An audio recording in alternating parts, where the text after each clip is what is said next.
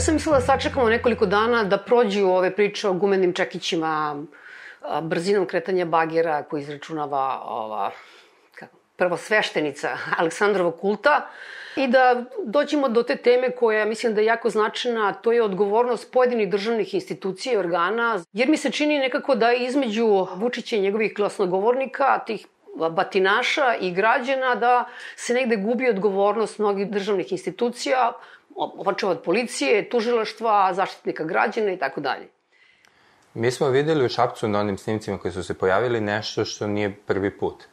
A to je da policija ne reaguje kad treba, da se čini se organizovano povlači sa nekih mesta spornih e, zbivanja, da dolaze ljudi s bagerom, čekićima, gumenim ili ne znamo još kakvim, a, motkama, tu vrše neko nasilje, sami sprovode neku vlast koju, koja im je data i policija nakon toga dolazi da pita o šta se desilo, evo nas.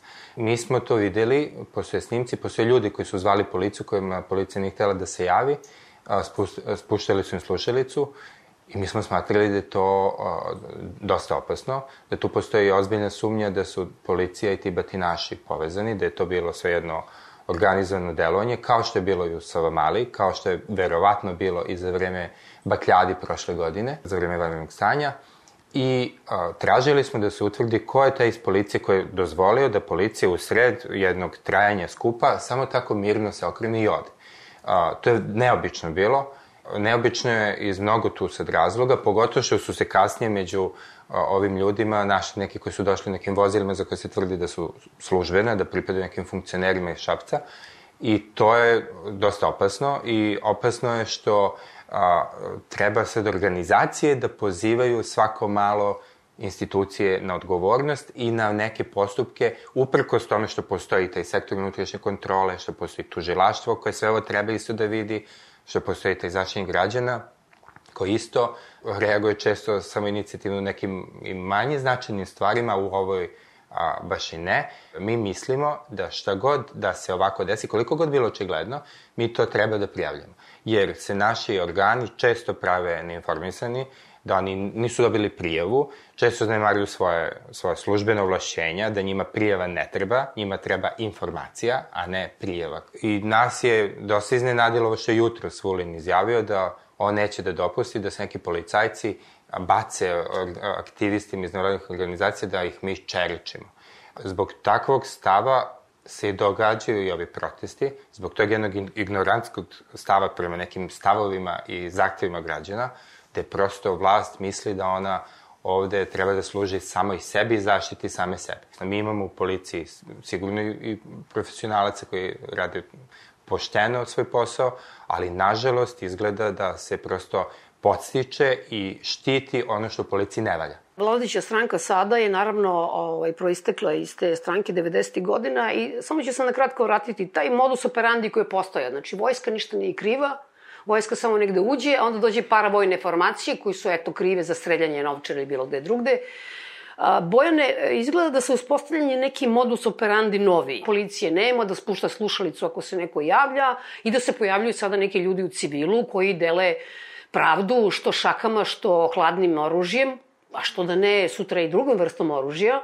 Pa ovo je definitivno deo jednog trenda koji su mi primetili, pa ja bih rekao, o čim je Srpska napredna stranka došla na vlast 2012. godine i mi smo baš intenzivno to proučavali, evo već 10 godina, i to tumačimo u kontekstu tog takozvanog zarobljavanja države. To jest, kroz korake koje je vladajuća stranka preduzimala da dođemo u ovu situaciju danas. Dakle, to je sve krenulo od prvog koraka nakon preuzimanja vlasti, to je bila izmjena zakona koja je omogućila da tada prvi potpredsednik vlade preuzme mesto sekretara u biroa za koordinaciju službe bezbednosti. Dakle, on je odmah preuzeo da kažem, to je jedno, jedno od ključnih mesta u sistemu bezbednosti. Onda smo imali korak po korak, na primjer, kroz poslavljanje ministra Stefanovića 2014. koji je odmah sproveo, da kažem, seču knezova, ako se sećate, pet generala policijske koji su otpušteni, pa do sada konačno preuzimanja Vulina. Dakle, korak po korak imamo s jedne strane jačanje, rekao bih, policije. Dakle, policija u Srbiji zaista je veoma brojna. Ja mislim da je skoro duplo veći broj policajaca nego što je UN prosek. Otprilike oko 300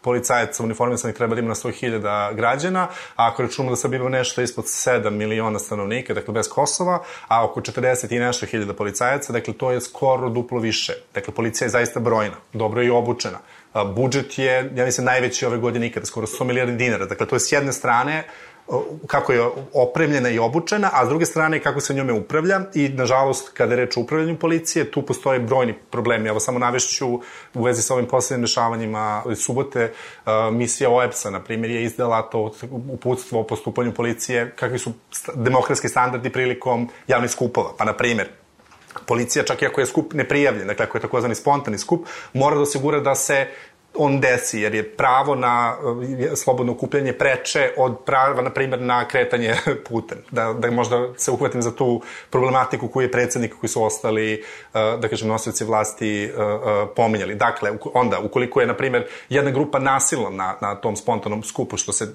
videlo da je bageri, ljudi koji su izašli sa palicama, dakle da policija prema njima treba da postupa zapravo, a da omogući da se taj spontani skup desi. Mi smo videli suprotno da se policija povukla i mislim da je to zapravo ključni problem, taj politički uticaj na rad policije. Kao što rekao, to trend je u pitanju, imamo od Sava Male kada policija nije izlazila na, na, na pozive građana do Vladica pomenuo bakljade, to je dakle bilo sinhronizovano u toku nekoliko dana paljenje baklji na krovovima zgrada u nekoliko gradova, sem u jednom jedinom slučaju policija ni u jednom drugom nije izašla na, na lice mesta, što to očigledno ukazuje na to da postoji neka koordinacija. I na kraju da se vratim možda ovim, ovim događajima iz subote, sasvim je jasno da je tu postojala ili morala da postoji, iako nemam dokaze da kažem na papiru, da je apsolutno očigledno iz snimaka koji su dostupni javnosti da je postala koordinacija između tih falangi, tih nekih parapolicijskih snaga i policijskih snaga. I mislim da je to ogroman problem. Posebno je ogroman problem u situaciji kada sve kontrolni mehanizmi koji bi trebalo da funkcionišu i da rade, ne rade. Dakle, jedan je, na primjer, sektor unutrašnje kontrole unutar ministarstva. To je, možda da pojasnim, organizacijona jedinica koja se stara za, o tome da policija zakonito postupa, bori se protiv korupcije unutar policije i slično. Imamo tužilaštvo, imamo ombudsmana, imamo odbor, možda da pomenu skupštinski, koji bi trebao takođe, ili ima veoma široko ovlašćenja a, kada je reč o nadzoru i kontroli policije, ali nažalost niko od njih ne radi svoj posao i onda bi se možda vratio na ovo što, ovu izjavu ministra Vulina da, su, da, da neće da da policajce da ih čereči NVO. Nevladine organizacije su, na, nažalost, poslednja brana u tom sistemu rastorenih institucija i zarobljene države gde nema ko drugi nego smo došli do toga da Beogradski centar za ljudska prava podnose krivične prijeve.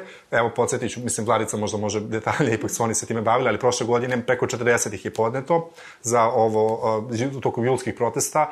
Do dan danas, ja mislim, nijedan od tih policajaca nije, nije odgovarao. Sam u jednom jedinom slučaju u Novom Sadu, gde disciplinski su kaženi od dvojica policajaca koji su dečka na bicikli uh, sa autizmom pretukli. To, su, to je jedan jedni slučaj koji je imao da kažem, epilog. Nema taj slučaj baš epilog. On je dalje, da, da, on je dalje u toj tužilačkoj fazi. Čak mislim da može sad skoro ili još uvek nije žrtva uzeti iskaz za tog mladića. Mi, mi smo svega par predmeta našli gde se stvarno desi da vi vidite da tužilac koji svakog dana s tom policijom komunicira, onda tu istu policiju navodno i kontroliše i znate kako je kontroliše, jer on je ucenjen zapravo dobrom saradnjom s njima da bi neke druge svoje zadatke završavao uz ovaj politički aspekt. Sve to što se dešava je naravno zastrašivanje svakoga ko želi da izađe na ulicu i da protestuje zbog nečega. Predsednik u glavu zna koliko je ljudi bilo, Mislim, ja znam da on prati da bi mogao da nam kaže, mislim, količinu tamne materije. Mislim, taj čovjek svašta izgovara, ali a, je problem u tome da li je to sada to njegovo ovaj, bulažnjenje često nekim podacima u kojima očigledno ne barata, nego zasenjuje prostotu, ili je moguće, imali smo slučaj kada su dronovi Pinka leteli iznad a, ljudi koji su učestvovali onom 1 od 5 miliona, ali tako, dakle, imaju mehanizme očigledno, odnosno da li ih imaju da mogu da registruju ne samo koliko ljudi bilo, nego ko je bio, a to je dovoljno za, za, za strašivanje. Ja mislim da je to baš ključno pitanje. Prvo, prvo, e, bez obzira da li je broj tačan ili nije tačan, mislim da deluje zastrašujuće. Da utiče na one koji se premišljaju da li će da učestvuju na protestima ili uopšte da demonstriraju iskažu svoje nezadovoljstvo da uopšte izađu, izađu na ulicu.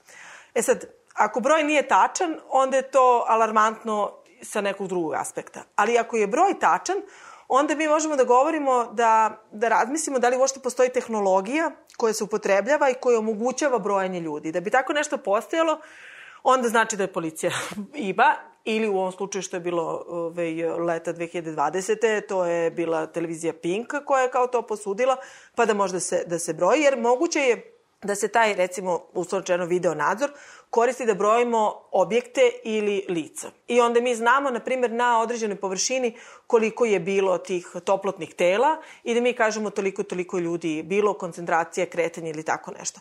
Ali to je, to je ove, mi već tu zadiremo u nešto što se zove obrada podataka ličnosti, dalje to u redu. Drugo, ako je to moguće, onda dalje moguće da prepoznajemo ta lica koja su tu bila i sad ne moramo mi da prepoznajemo to iz nekih zvaničnih baza, mi možemo to da pretražujemo, nažalost, i ovako, mislim, samo inicijativno.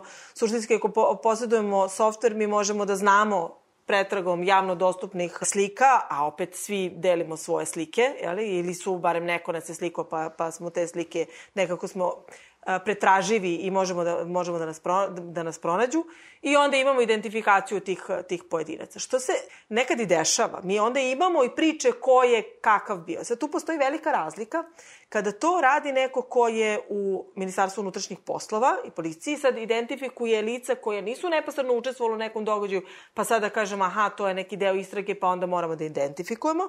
A druga je stvar kada recimo pričamo o identifikaciji službenih lica. Jer Mi sad svi imamo jeli, mobilne telefone, umemo da ih koristimo, možemo da ih snimamo i u tom slučaju očekuje se u tim događajima da ih imamo. Čak i preporučljivo jeli, da ih imamo ovaj, pri sebi, dostupne, jer lice koje je u, ovaj, u službenoj funkciji, on je dostupan javnosti. I zato je čudno što pravimo famu oko toga da li znamo ime nekog službenog lica ili ne, kada on vrši svoje ovlašćenja, ja bi se složila, ok, možda mi nećemo odlučiti da li je to, da li je to bilo u skladu sa ovlašćenjima ili nije ovlašćenjima, to postoji postupak koji bi trebalo jeli, da se desi, ali svakako javnost treba to da zna. Znači imamo tu dva aspekta, kada vlast ili ministarstvo snime ili još neko drugi, kao u ovom slučaju što je, što je, što je bilo sa tim, sa tim dronovima koji su u privatnom vlasništvu, da snima neko ko protestuje i da mi utvrđujemo njihov identitet. To je jedan aspekt. Drugi aspekt je kada ljudi koji protestuju snimaju ta službena lica ili čak ovo što govorimo o ovim ljudima koji dolaze tu i prave, prave nerede, ili nekako kontrolisano, organizovano i u tom momentu se policija vi povuče. Javnost baš ima pravo da zna kako je do toga došlo. Samo da se vratim na trenutak na te dronove Pinka, odnosno Željka Mitrovića, bila je konstatacija da to nije znao, nije dao odobrenje ni MUP, pošto su ti dronovi leteli oko zgrade predsedništva i ispred Skupštine. Ajte da mi dignemo dron ovde ispred e, predsedništva. Pa ali smo svi koristili podatke. Znači, nismo ih odobrili, ne znamo ništa s tim, ali smo koristili te podatke i prikazivali smo ove slike. To je, to je onako baš problematično. Da. Kako je vaše iskustvo sa ponašanjem tužilaštva? Pa, nažalost, tu, tužilaštvo se kod nas ponaša, to je sad jedna, jedan, jedan manir koji um, se ne odnosi samo na ove istrage zlostavljanja i loših ponašanja službenika, već način da se tužilaštvo ponaša kod nas kao da su sudije u pitanju, da oni samo čekaju šta će tu, uh, policija da uradi. Tačno je da oni nemaju neke kapacitete, možda nemaju i neke veštine, ali neke stvari mogu sami da urade. Ovde se čeka da vama policija servira ceo predmet od ko je, šta je, se puše, sve šta? jeste, i vi ste onda tužilac koji će samo podnese optužnjak. Tužilaštvo ima veliko ovlašćenje u svakoj zemlji, pa i našoj. Pitanje je samo da li žele da je koriste. I onda kao pa nama policija, to je bilo u predmetima izvilskih protesta, nije dostavila ko su ti policajci. Pa šta, si, šta je tužilac tu uradio da on dođe do tih podataka? Da li odmah traže video nadzor? Da li odmah saslušavaju te ljude? Kod nas se, kažem, postoji jedan taj loš manir rade tužilaštva da oni prosto misle da oni nisu ti koji vodi istrage i te predistražne postupke, nego da su oni jedni pravosudni funkcioneri kojima treba da se sve otkrije i kad im date, oni kažu, aha, ima dokaza, nema dokaza, idemo na tuženje. To nije uloga tužilaštva. Uloga tužilaštva je da budu malo i onako proaktivni, da oni organizuju organizuju sve te dokazne radnje, da oni vode tu policiju kroz istrage, a ne da a policija šeta njih. Drugi problem je što, očigledno u tužilaštvu, evo vidimo i ove promene ustava, neće da se izmeni ta jedna vojna hjerarhija, gde jedan tužilac može svima da da obavezne ove instrukcije, gde on može da uzme svaki predmet, da da drugom tužiocu, To je isto jedna, jedna sistemska stvar koja ovde pogoduje tim takvim predmetima, a taj se tužilac bira, znamo već i kako. Treće je što mi imamo jedan nedostatak profesionalizma i ne samo u tužilaštvu, u generalno društvu i u pravosuđu i izvan pravosuđa, a to je da vi prosto žmurite na očigledne stvari i da se zbog nekih možda, ovaj, možda i sitnih koristi i nekog straha spremni da idete do kraja. Da, da se pravite slepi skroz. I vi imate kod svih tih dela, to je isto strašno, recimo ta dela koja se vrše za vreme službene dužnosti, sva su ona jako blago kažnjiva. Vi možete što god da uradite da ostanete u toj službi, bez ikakvih posledica. Kršenje zakona strane suda i tužilaca kazne do pet godina. Vi možete sa takvom kaznom da zaključite oportunitet, dakle, tužilaca, drugim tužiocem, policajaca tužiocem, što se događa u praksi. Hoću kažem, apsolutno nema nekih prepreka a, a, na tom nekom sistemskom nivou i tih nekih jakih poruka koje traže profesionalizam. Prosto se to ovde smatra, eto, budi srećan što si tu. I ako mogu ja da dodam na ovaj spisak problema, četvrti problem, to je ta veza između policije i tužilaštva koja je prepoznata i čak i od Evropske unije. Dakle, svakom izveštaju napretku stoji to da mora da se napredi ta saradnja, zato što jako od 2013. imamo tu tužilačku istragu, zapravo tužioci nemaju načina da nataraju policiju da radi po njihovim nalazima, pa je odlično, na primjer, toga kada u slučajevi koji su političko setljivi, poput, na primjer, Sava Male, taj broj urgencija koje tužilaštvo šalje, na primjer, policiji da postupaju, što je zapravo molba da se radi po zakonu uh, i po, i po, jel te, po nalagu tužilaštva. Što, dakle, ne bi smelo da bude tako. A zbog čega je to problem? Zato što je, s jedne strane, policija veoma hirarhijski dobro uređena institucija, pa bi pa ako, na primjer, unutar policije postoji nalog, naredba da se nešto ne radi, da se ne postupa po nalogu tužioca, uvek će policajac pre da posluša svog na, nadređenog, zato što od njega može direktno da, da pati, da kažem, da strada, nego što će da posluša tužioc. To je takođe jedan veliki problem. I još jedno, samo da se vratimo na ovu službu unutrašnje kontrole. Ona je direktno podređena ministru, ali tako, policije, ili nije? Da, definitivno odgovara ministru i ministar ima načina da utiče, e, da utiče na njihov rad. Sad, ono što su generalno e, standardi e, u različitim evropskim zemljama ne postoje, da kažem, jedinstveno odmah na početku. Dakle, negde je ta služba čak potpuno izdvojena iz policije, da bi kao neki spoljni akter lakše kontrolisara, kontrolisala. Negde je dovoljno samo prostorije da izmestite. Jer, na primjer, ako, ako radite u istoj zgradi s policajcima koje treba da kontrolišete, to je, to je problematično. Sad, postoje drugi problemi sa sektorom unutrašnje kontrole. Godinama unazad nije bilo dovoljno zaposlenih po sistematizaciji, negde na pola, na primjer, je bilo... Pa toliko policajaca nemamo baš na sektoru unutrašnje kontrole. Sada i, ali sad, ali sad se situacija promenila, na primjer, prošle godine je završen taj twinning projekat, pa su u kapaciteti unapređeni, dobijena je oprema. Tri puta je menjen zakon o policiji da bi se omogućilo da policija sprovodi sad neke preventivne mere korupcije, dakle, test integriteta, kontrolu imovine. Dakle, sada zaista jesu postignuti neki preduslovi, ali ključni taj je taj nemogućnost da uh, sektor unutrašnje kontrole postupa samostalno i nezavisno. I evo, od 2016. kada se usvajao zakon o policiji trenutno važeći, kroz izmene dva puta 2018. Be Beogradski centar za bezbednostnu politiku je pokušavao da utiče na zakonske rešenja, uključujući i ove godine kada se pojavio ovaj nacrt zakona o unutrašnjim poslovima, gde sada stoji ta rečenica u jednom od tih članova da je ministar taj koji osigurava uh, operativnu, to je osigurava nezavisnost rada sektora unutrašnje kontrole, što je zaista, kako da kažem, potpuno para paradoksalno i naopačke okrenuto kako bi sistem, oksimoron, oksimoron kako bi sistem trebao da funkcioniše. Problem je tu i zapošljavanje u tom sektoru unutrašnje kontrole. Jel video nekad neko javni konkurs za zapošljavanje u sektoru unutrašnje kontrole? Tu se zapošljavaju samo policajci, nekada, samo ljudi koji su ranije radili u direkciji policije e, sada. Tu bi trebalo da dolaze ljudi koji nemaju prethodno karijerno bilo kakvo iskustvo u MUP-u, odnosno ako imaju znanja o radu policije, kontroli i tako dalje, ali koji nisu se familiarizovali. Dakle, ovde su sve bivši ljudi iz stanice i tako dalje, kontrolori. I to je isto jedna stvar. Drugo, vi imate tu jednu potpuno autocenzuru koju, da, kad ste videli način, kad smo mi videli načelnika sektora unutrašnje kontrole, da bilo šta kaže, dakle, on mora da bi se obratio javnosti i poslao poruku da traže odobrenje ministre po zakonu. Drugo, nema ni naznaka da će nešto tu da se promeni, sad su ovim povučenim nacrtom hteli a, a, da daju ovlašćenje ministru da on formira komisiju nepoznatog sastava koja bi kontrolisala rad u sektoru unutrašnje kontrole. Kad smo mi podnosili ove krivične prijave, oni su nas pojašali nakon e, nedeljama, nakon toga, da, mi smo primili vaše prijave profesorih tužilaštva. A kad je u nekim drugim slučajima ministar pošle neku poruku da sektor da reaguje, oni u roku jednog dana završe sve. Dakle, i tačno, mi imamo tačno podatke i dokaze da je i taj sektor potpuno ovaj, u službi a, ministra i Postoji, da, postoji to što se zove plavi sit čutnje unutar da. policije, ovo što priča Vladica. Da, jako je teško kolega da prijavi kolegu, posebno ako, su, ako radiš u sektoru unutrašnje kontrole gde treba da kontrolišeš kolegu, a radio sam, na primjer, s njim. Dakle, to su užasno veliki problemi koje... Pa, to gledamo u američkim filmovima da. sve produkcije. Znamo da je to tako, ali onda to može da važi za svaku profesiju. Znači, nemoj lekar, ne može lekara, onda je, onda se otišao dođevola, jeli? Evo, kratko bih da dodam. Mi smo radili sad skoro jednu analizu uh, tužilačkih i sudskih predmeta za dva krivična dela, to su zlostavljanje mučenje koje izvrše službena lica i iznuđivanje iskaza. U tim predmetima od 2018. do kraja prve polovine 2020. godine, znači to je nekih dve i po godine. Za, u, u tim predmetima se pojavilo oko 230 policajaca koji su a, svedočili, da tako kažem, davali neke iskaze tužila što, što, tužila što, što sudovima u, pro, u nekim postupcima koji su se vodili protiv njihovih kolega. Ni jedan policajac nije svedočio protiv kolega. Pazite, ni jedan. Znači, to je, u najboljem slučaju se ne sjeća što je bilo. A, to je isto jedan stvarno veliki alarm, a onda vi kada idete pred sud, a, a, često ćete naći u nekim obrazloženjima, kaže, kaže naši organi, pa mi više verujemo iskazu policajca nego iskazu oštećenog ili nekog njegovog poznanika, prijatelja, člana porodice, tako da, jer su ovi drugi pristrasni, a kolege, a ovi policajci, oni su službena lica, što bi oni stvarno lagali?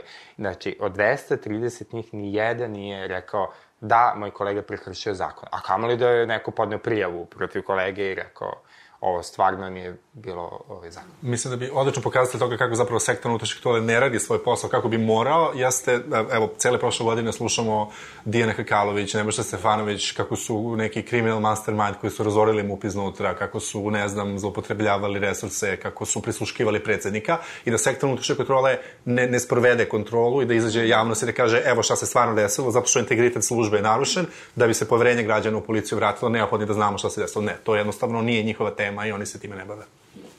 E sad, da mnogo više vodimo računa o toj fizičkoj bezbednosti, što je logično, a mnogo manje nekako o, o, o tom nadzoru koji je postao stvarno onako sve prisutan i intencije e, države su vrlo jasno pokazane u ovom nacrtu zakona o policiji koji je povučen. O čemu ćemo razgovarati? Ja, ja sam možda, mislim, što se tiče to, te svesti, malo sam i optimistična. Nekako mi se čini da ranije baš nis, nismo obraćali ove, pažnju na te druge aspekte uh, privatnosti. Ne samo na telesnu privatnost i bezbednost, nego kao uopšte ta informacijona ko nas, ne znam, pod jedan, prisluškuje, ne mora u stvari zapravo ne da prisluškuje, na primjer, po zakonu o elektronskim komunikacijama, svi operatori, ti oni pružovaci elektronskih usluga, moraju da zadržavaju podatke, to su takozvani meta podaci ili zadržani podaci.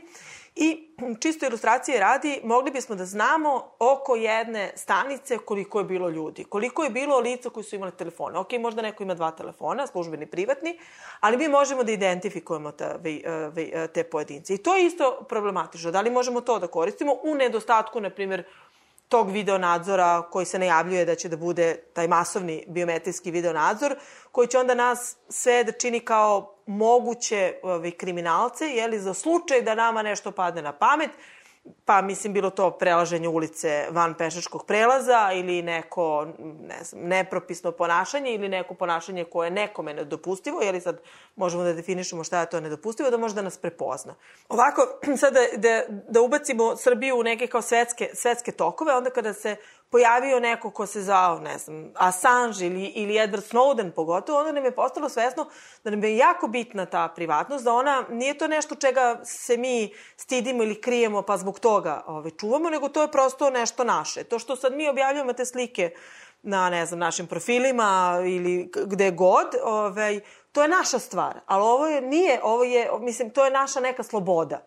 Ali ovo, ovo je nešto što, mislim, i tekako neko treba da ima ovlašćenje u zakonu. E sad, svaki zakon, čak oni su imali intenciju, mislim, na Ministarstvu unutrašnjih poslova, u tom zakonu, nacrtu zakona o unutrašnjim poslovima koji je povučen, da se to uvede sa njihovom vizijom da je to ovaj, ovaj, ograničeno, ali taj zakon mora da prođe kroz mikroskop ljudskih prava, vladavine prava, vrednosti koje smo mi prihvatili kao društvo ili barem smo rekli da smo ih prihvatili ali kao društvo, a to je da to mora da bude srazmerno. To nije srazmerno, mislim, mislim to tako da bude na svim ulicama ono što je svojevremeni ministar unutrašnjih poslova najavljivao, neće biti prolaza gde će moći neko da se sakrije, to nije poenta policije, mislim, i nije poenta neke bezbednosti. Mislim, mi tu zapravo ne trgujemo. Mi kažemo, evo, ja ću da imam bezbednost, ali neću da imam privatnost. Ne može, mislim, jedno bez drugo baš suštinski ne može.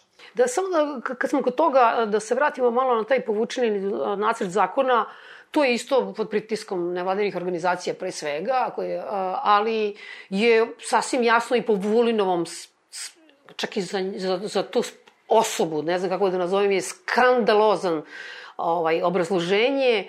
To su strane ambasade koje su plaćale domaće izdajnike u nevladanim organizacijama da naruše uh, stabilnost Srbije i ne znam šta. I da izazovu krv na I da izazovu krv na beogradskim ulicama. Kotrljenje, da. To što je dobro za Evropu, za London, a, nije dobro za te nevladine organizacije. Oni to vole da kažu kao što je svuda u svetu demokratskom, jeli? I zapravo nije baš tako. To su te kao poluinformacije koje, koje pričamo i sad, ok, mi vidimo kamere i u drugim, drugim gradovima, ali e, to, ta softverska rešenja koja sad nisu sad tu nama vidljiva, nisu ista, jel?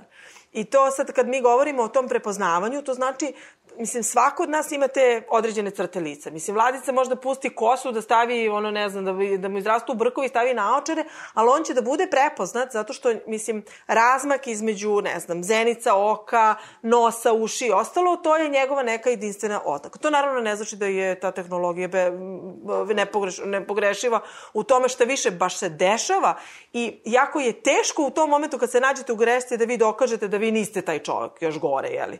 Mislim, pošto stvarno je bilo tih slučajeva. E sad, ono što, što, je tu, što je tu problem jeste što se ne saopštava da te kamere koje se nalaze po ulicama Londona nemaju sve te opcije. Kamere koje se nalaze po ulicama Berlina nemaju te opcije. One imaju lokalizovano te opcije. I to nakon mnogo velikih debata. Ali, ali šta smo mi ovde? Mi smo imali nikakvu priču o tome. Mi smo imali instalacije. Te instalacije su tek nikle za vreme vanrednog stanja kada niko nije bio tu da to zabeleži. Tih kamera ima jako puno, mislim, u redu, neke, neke, neke su za saobraćaj i to je prihvatljivo, jeli? Ali mnoge one imaju te druge performanse za koje mi dobijemo informaciju da one još nisu, nisu upotrebi, ali zapravo tu postoji to još. E sad, to, to je sve na javnim površinama, nije to sad nešto lokalizovano. E to je onda problem što onda definitivno kad mi kažemo protest je, ne znam, tu i tu ili ovde ili onde, tu se nalaze te kamere. I može stvarno, mislim, očekivano, ljudi, mislim, pojedinci i, i društvo kao tako nije prosto se ne osjeća slobodno da, da uvek može, nije svako slobodan da izrazi ovaj, e, svoj stav. Ali došao bi da podrži to u nekom svom anonimnom, mislim, kako bih rekla, obličju. Ne mora sad da nosi maske da bi se maskirao ali ne želi da bude prepoznat. Dakle, MUP je jednom, odnosno ti ljudi koji su pisali nacrt MUP-a su jednom vrlo uopšenom normom dali ogromno nemogućnosti MUP-u da sprovodi masovni biometrijski nadzor, a s druge strane, i da tako vrši u te upliv privatnost, a da s druge strane, za policajce koji su službena lica, koji kad premenju lešenja, ipak moraju da se odreknu jednog dela svoje privatnosti u vidu uh, izgleda lika i tako dalje. Za njih su predvideli tu pojačanu zaštitu, pa su rekli ko objavi podatak o identitetu službenika koji primenju lešenja, da je to kažnjivo delo. I sad, podatak o identitetu je jedan pojam koji nema, na, nema ga u našem poredku, najsrodniji je podatak o ličnosti, ovaj, pa bi to ispalo ne smete da snimate, ne smete da a, slikom, zvukom i na bilo koji drugi način to. I onda vi kad pitate, a šta kad prekrši zakon? Pa kao, to, to, to, to se na to ne odnosi. I na to se zapravo odnosi ovo što si ti spominjao saopštenje ministra unutrašnjih poslova na početku, ono sa nevladinim organizacijama i onim čerečenjem. Za, kao u smislu da, da se na društvenim mrežama ili, ili pričanje Twitter suđenje da li jeste, da li nije, da li nije kriv, objavljivanje to, tog podatka. Mislim, naravno mi uvek zadiramo u privatnost kod objavimo nečije i prezime. Evo sad mi smo objavili naše imena ovde kao emisiji, mi smo zadirali u tu privatnost, ali mi smo pristali na, na to, postoji, postoji srazmera u svemu tome. E to je isto, isto taj, taj slučaj slučaj. Znači, to što je neko kao građanin snimio neko službeno lice, to je u domenu medijskih sloboda. Ne samo slobode izražavanja, nego medijskih sloboda. Mi više, više ni nemamo liniju, e, ovo je medij, koji medij? Tradicionalni medij, koji medij, kako da ga definišemo, a ovo je neki tamo građanin koji to nema pravo da, da, vi, vi, da snimi. To je, mislim, vrlo je, mislim, interesantno kako u tom sad nacrtu koji je povučen, ili po, za tim saopštenjem groznim, Ovi, kako imate... U stand-by, u stvari, da. Ne, da, otprilike, kako postoje, znači, institut masovnog biometrijskog nadzora, svi ćete da budete dostupni, uključujući i pripadnike Ministarstva unutrašnjih poslova. Zašto oni ne bi mogli kao građani da protestuju? Mislim, to je isto, je li moguće, ni, mislim, u nekim situacijama. Ali zašto, zašto bi se oni suzdržavali od svega toga? I onda imate, aha, ali mi smo skroz to nije zapravo zaštita, nego mi smo skroz izuzeti od te kontrole. Nije to mi smo zaštitili identitet policajca. Mi smo ga izuzeli od kontrole javnosti. Da se nadovežem, da pored tog zabrane snimanja tehnički, to je objavljivanja podataka na osnovu kojih može da se identifikuje, takođe je predviđeno tim nacrtom i izmene oznaka na uniformama, pa tako umesto prezimena, na primjer, sada će stojiti, staviti neka šifra, što je, dakle, dodatno da se smanji mogućnost da se policajci identifikuju, pa tako u kontekstu svih ovih dešavanja i odredaba tog nacrta nacrta, delo je da zapravo policija s jedne strane jača tu svoju represivnu ulogu, a s druge strane izuzima se od odgovornosti, a mislim da je posebno opasno u situaciji kad imamo ovako razrušene institucije i kontrolne mehanizme o kojima smo pričali koji ne funkcionišu, da je zapravo jedini kontrolni mehanizam pritisak javnosti, da vi potpuno izuzmete javnosti iz mogućnosti da kontrolišu policiju, što nas vodi zapravo u veoma opas, još opasniju situaciju nego sada. I ako mogu samo na, u vezi sa ovim kamerama, to je dakle definitivno politika javne bezbednosti, kako se ona vodi. Dakle, neophodno da se objasni zbog čega je to neophodno u Srbiji. Da li mi zaista imamo toliki problem sa kriminalom i ubistvima na ulicama da ne možemo da regularnim metodama rada, redovnim metodama rada policije e, se suprostavimo tim bezbednostnim izazovima, nije. Dakle, e, sve na opačke uređeno. Prvo su nabavljene kamere, pa su instalirane, pa se onda traži neko zakonsko, zakonska osnova za upotrebu i to dakle nema nikakve veze sa borbom protiv kriminala, to je preuzeto kao model upravljanja javnim prostorima iz Kine i to je, dakle, pre svega metod političke kontrole javnih prostora, nema nikakve veze sa bezbednošću. A imamo priču da nam je grad bezbedan, je li? To je isto priča. Ali ovo, ovo sa što je Bojan, Bojan ovaj, ovaj, naveo sa tim oznakama da se menje, to je taj korak nazad. Znači, sad, ako smo se mi dogovorili da oni imaju ime i prezime, i to je sasvim redno, treba, postoji, treba da postoji neki odnos između pojedinca i policajca. Nije sad policajac svaki put kad priđe da je neki tu, jeli problem. Prosto ne bi trebalo, da postoji neki odnos poverenja. I sad kako odjednom od tog imena, tog nekog odnosa prisnosti, mi kažemo, e, nema više prisnosti. Moramo da damo to obrazloženje. To je, to je to, zašto smo mi doneli neku odluku? Jer Beograd nebezbedan, pa smo stavili kamere i ne postoji mogućnost, a imamo veliki broj policajaca, ovo što je Bojan, Bojan, Bojan rekao u smislu brojčano, ok, onda koje kamere stavljamo ili ostalo, ili, jer to sad stvarno ugrožava policajce tako da sad mi moramo da šifriramo ove, e, njihove imene i prezimena za koje smo se vi nekako odlučili, zakonodavac, a kao mi smo u parlamentu nešto vi doneli kao odluku, da kažemo da je to baš odličan način da mi uspostavimo neki odnos policajca i pojedinca. Mislim, u, u Maxiju na kasi kasirke imaju svoje imena na, na uniformama, a policajac da nema, a pritom uvodi se taj takozvani model rada policije u zajednici. Za sve te odluke nemamo obrazloženje, neko pipljivo, neko sistematično, nešto što možemo da, da, da pričamo. Kada smo govorili na tim skupovima o zakonu o unutrašnjim poslovima, u tom obrazloženju zakona, nažalost, naše obrazloženje zakona sve kaže u članu tom i tom piše to i to. Mislim što je vrlo jasno, jeli? ali ajde, nema veze. Ove, sad počinje to obrazloženje na osnovu analize, urađe, sveobuhvatne analize. I sad naravno čovjek pita, dajte nam tu sveobuhvatnu analizu. Ja bi bila zainteresovana da vidim baš tu sveobuhvatnu analizu, ovaj odnos koliko nam je bezbedan grad, koliko nam nije bezbedan, zašto mislimo da su baš te kamere. To bi to, to bi to ono nešto što bi to podrazumevalo, čak ima i nekih formalnih analiza koji mora da se urede, ali mi nismo dobili tu analizu, nego je nama rečeo, pa to, to su neke svakodnevne analize koje se tu rade i zapravo mi nemamo taj dokument. I mi onda... Pa uopšte ono što, ne postoje, verovatno. I to je ono što nedostaje. Taj dokumentovani misalni proces, kako smo mi došli do toga da je to neophodno, kako smo mi došli da tužilac, na primjer, ne traži, kako smo mi došli, da, mislim, nemamo mogućnost rekonstrukcije celog tog događaja. Ne znam koliko je to tačno, čitala sam nekakve podatke, taj broj kamera u Londonu je generalno mnogo veći nego u Njujorku, ali su ustanovljene da nema te korelacije, dakle da što više kamera uopšte ne znači ili da jako malo a, praktično ne smanjuje stopu kriminaliteta. Na osnovu nekih analiza, na primjer, smanjuje se broj krivičnih dela protiv imovine, u prisutstvu veće broja kamera, ali ne nekih drugih. Dakle, nisu podaci, da kažem, ne govore potpuno u korist kamera, a pritom mislim da je bitno napraviti razliku između tih takozvanih CCTV, to je kamera koja nema mogućnost prepoznavanja automatskog lica, za slušalce i gledalce koji možda nemaju, jer mi sad imamo ceo grad Beograd pod kamerama, uglavnom, imamo na bankama, na radnjama, privatni građani i policija sad u znaku suda može da pristupi tim a, snimcima ukoliko je potrebno da se zbog za istrage utvrdi identitet nekog lica, ali problem u tome je kako se to primenjuje. Fali ta, ta dva minuta, uvek, uvek fali kada, kada su da. osetljivi podaci. S druge strane, ovo je u realnom vremenu, može da se posmatra i prate osobe gde se kreću šta rade. Pa, na primjer, mogu sada, da sada, na primjer, postoji taj softver i te kamere, ko što policija tvrdi da još uvek ne postoji u Srbiji. Policija bi sada znala da smo na četvoru u ovom studiju, jer bi su mogli da nas identifikuju dok smo gradom dolazili do, do vašeg studija. Nije samo pitanje sad ovih brojeva, mogućnosti kombinacije slova i brojeva, ali tako beše pisalo, nego o, nikakvih oznaka. Dakle, mi smo imali da, to da, iskustvo iz sudskih protesta gde se sad tužilaštvo ogra, kaže oni ne mogu da utvrde imena tih policajaca koji su onako o, o, očigledno tukli građane, jer neto, ne zna se ko su, na snimcima se ne vidi, ni na snimcima građana, ni na ovim snimcima sa ovih kamera. I evo prošle godine i po dana Još je to nije, ovaj, još je nije promenila ta neka uredba o uniformama, izgledu uniforme, ne znam kako se zove. Kao to ćemo novim zakonom, pa ćemo sad da ga odložimo do aprila i evo opet smo sad imali u Novom Sadu žandarmeriju koja isto nosila neke uniforme bez oznaka, gde su ljude hvatali sa, ono, kako se kaže, oko vrata, gurali ih i tako dalje. Opet sad će tu biti ne znam se ko je, dok se utvrdi ko je.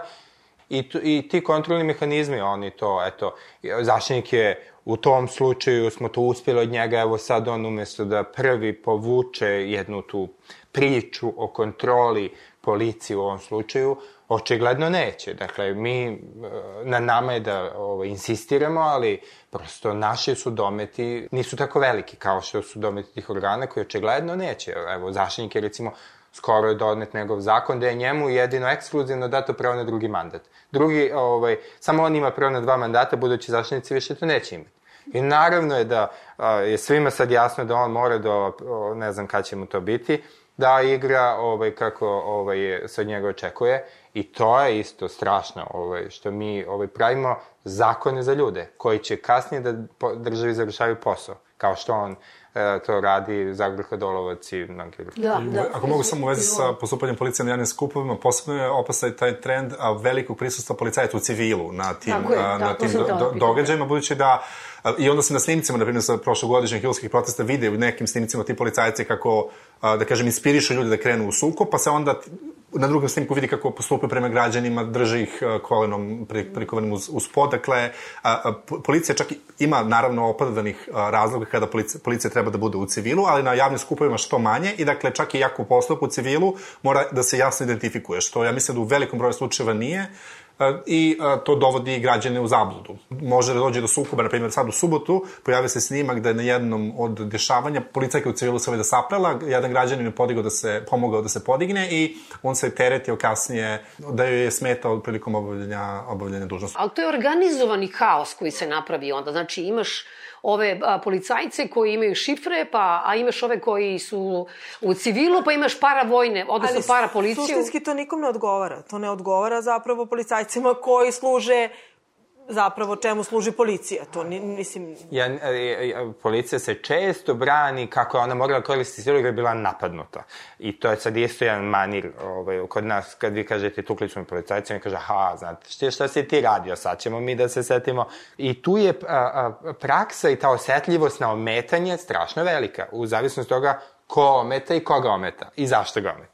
Ajde da smo da još malo porazgovaramo, molim vas, o sudskoj praksi, da li uopšte ima, mislim, jer smo rekli da nikako ne doći do, ni do tužilaca, a kamoli do, do suda. Prvo, mi, vi imate tu situaciju da se posudci protiv policajaca odugovlače i tako dalje, ništa se ne događa, ove ljude koji su bili navodno kamenovali policiju, napadali policiju i tako dalje, ti postupci su vođeni ekspresno. Neki su kažnjavani i zatvorom do dva meseca, čini mi se, zato što su a, vređali policajce. Nekako se može očekivati da policija štiti samo u sebi, tako da. A mi imamo problem što mi nemamo branu toj samozaštiti policije u vidu pravosuđa. Dakle, kod nas ono što kaže država, što kaže u vidu izvršne vlasti je za pravosuđe vrlo često ovaj, nešto što oni ne gledaju na to kao nešto što moraju da provere, nego kao na nešto što, ako baš moraju da se tome suproste. To je me, moj utisak iz tih postupaka. Dakle, ja se sećam jednog, jednog spisa gde je neki mladić, ja mislim, bio osumnjičen da je ovde baš ispred Skupštine vređao policajca ili kamenovo, nešto tako bilo.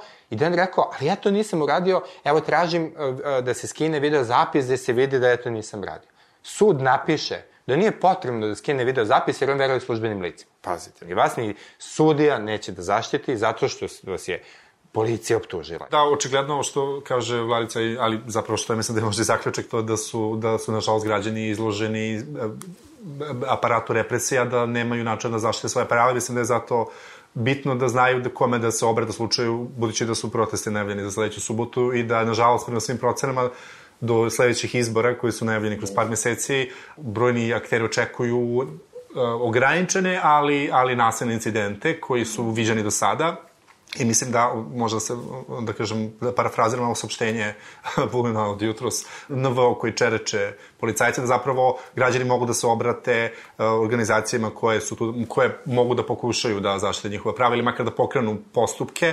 Između ostalog postoji i civilni odbor za zaštitu branitelja i uzbunjivača koji uz podršku Fondacije za otvoreno društvo Uh, radi, gospodin Šabić, Sofija Mandić, Vuk Cvić mm. i Katarina Golubović mm. i da mogu da pišu, na primer, na branitelji.uzbunjivači.bezbednost.org, mogu da se obrate BG centru, ja pretpostavljam, i ukom u drugim organizacijama. Dakle, mm. postoje, na, dakle, mislim da je bitno da se organizujemo van institucionalno za zaštitu prava, ukoliko već ne možemo da računamo na institucije. A to već pokazuje da smo. Dakle, kad mi moramo da se organizujemo za, a, i da kažemo građanima, evo, javite se nama, država neće da vas zaštiti. taj ombudsman, ta unutrašnja kontrola, taj tužilac, oni će da žmuri. Kad si pomenuo zaštitnika građana, da li je on hitno otišao da vidi da li gospodin Legija ovaj, je ugrožen su njegova prava i bio je tamo šest sati, jeli? A, hitno je reagovao, a ne može da ga se privede svrsi i povodom onih demonstracija iz 2020. kad je rekao na početku pa ne vidi gde je problem, pa onda malo kao reterira. Na njega, nažalost, ja mislim nije moglo da se računa ni uopšte od kad je on došao ovaj, na tu funkciju. Prosto on uh, se uh, ponaša u jednom maniru koji se ponašaju drugi neki službe, funkcioneri, a to je da procenjuje šta može, uh, u kojim predmetima može onda ovaj, na, radi, a u kojima će da on nas obmanjuje tim nekim e, besmislenim saopštenjima. Pokrenuo sam postupak, ja ću samo na osnovu dokazanih činjenica, pa te postupke nikad ne okonča. Sa Ling Longom je odmah skočio i tamo relativizovao sve što je bilo yes. ovaj, kazano. Tu je bio dosta brz, tri, kontro, tri svoje time u tri navrata slao. A ovde sad, mi smo mu podnili prijavu, ovaj, on je rekao, pozivam građane da mi se javi. Tako je bilo, recimo, u raznim nekim stvarima, recimo, afera spisak, čuvena, sećate se, isto on će da on iskontroliše rad upre za sprečanje pranja novca, onda, ovaj, sad kad ga pitate, on kaže postupak u toku. A ima, recimo, da imamo neki dokument a, naše misije pri Ujedinim nacijama, gde piše da on završio taj postupak i našao da je sve bilo u skladu sa zakonom. Ali to je, nije samo on u pitanju, ima tu i drugih nezavisnih institucija. Pogledajte sa Ustavnim sudom. Mislim, vi sad tražite neku zaštitu od Ustavnog suda, on vam reši to ne zna se kad. Podnesete zahtev za privremenu meru. Ima predmete da reše za dve godine. Privremena mera. Mislim, hoću vam kažem, ovaj, prosto, mi smo prosto kao društvo dopustili da nam institucije ne rade i to je sad, sad smo prosto prinuđeni da se samoorganizujemo onda smo mi zaista došli u situaciju da je to ulica, to mesto gde ćemo se sretati sa državom. Bez obzira koliko smo nezadovoljni, niko ne priželjkuje rasplet na ulici. To prosto je opasno za sve, jeli? Pa, nažalost, da, mislim su ovi protesti baš odlično pokazali toga, jer su uh, zati oko ekspropriacije, oko Rio Tinta, da građani su pokušali na sve i na javnim raspravama i komentarima i podnošenjem inicijativa i peticija i u Skupštini i na kraju je došlo do ulice, nije više imalo gde da se izrazi. Pa čak i tu je zabranjeni su bili uh, ti skupovi, ali jednostavno negde mora da bude ventil koji će, i uvek je bolje u instituciji, ali nažalost nemamo gde. Tako da uh, plašim se da idemo ka tom, ka tom scenariju da će se ti sukobi rešavati na ulicama. Mislim da je tu zapravo uh, simptomatično to kako je ministar unutrašnjih poslova upotrebio pre, prekvič, ako se ne varam, to da će policija upotrebiti nasilje da, prema da. građanima, potpuno ne razlikujući silu od nasilja. Mislim da sila počela na legitimitetu, a ne, policija nikad ne može da bude korišćena kao instrument za nasilje prema građanima, ali mislim da tu dolaze e, kao rešenja te načine ove, ove para, para, para policijske snage koje su već korišćene i u Savamali i na lokalnim izborima prethodnih godina u Srbiji ja mislim da ćemo u tom pravcu se nažalost, e, nažalost krećemo. Ta tenzična situacija je stvarno na ivici da eskalira u nešto što mi nikako nećemo moći da kontrolišemo, pogotovo ne ishodi. To možda bude stvarno problematično, ali ono što je ipak bitno jeste da se zadrži dovoljno zdravog razuma, da se sve to dokumentuje i da, da se insistira da se poštuju pravila koje smo mi prethodno usvojili. Mislim, nažalost, svedočimo da Ustav ovaj, ne poštujemo, pa sad i onda, i onda gomilu drugih, drugih ovaj, zakona, ali mislim da, bez obzira na to, mislim, nažalost, u ovom odnosu neka zdravorazumska strana počinju da budu, mislim, građani, što u prirodi stvari oni mogu da budu nerazumni, uopšte ne treba da budu razumni i sad mi treba da insistiramo na tom poštovanju pravila i ostalo, a možda za to neku za istorijsko sagledavanje šta nam se ovde desilo, mislim da je bitno insistirati na tom nekim zdravorazumskim rešenjima dok dokle god može, ali mislim u nekom momentu možda neće moći, ne znam. Ja mislim da smo mi došli u situaciju gde taj inače nizak nivo od, odgovora naših organa na potrebe ljudi je sad još više pao, zato što se sad pokazuje ta jedna ignorancija prema nekim pitanjima za koje su svi zainteresovani izuzetno, to su elementarna pitanja očuvanja zdravlja, kakav vazduh dišemo, kakvu vodu pijemo, na kom zemljištu uzgajemo hranu i tako dalje. Mene mnogo više plaši a, a, ne ono što je sve bilo do protesta, već ovo ponašanje nakon protesta. Vi, mi smo i sad čuli opet neke poruke, policija će koristiti nasilje, čini mi se da ću potpišem zakon i čini mi se, opet poruke da su građani bili nasilni i tako dalje. Jel ima neko stvarno ovde ko će toj vlasti reći, ali stanite, daj da razgovaramo o tom zakonu i tom problemu.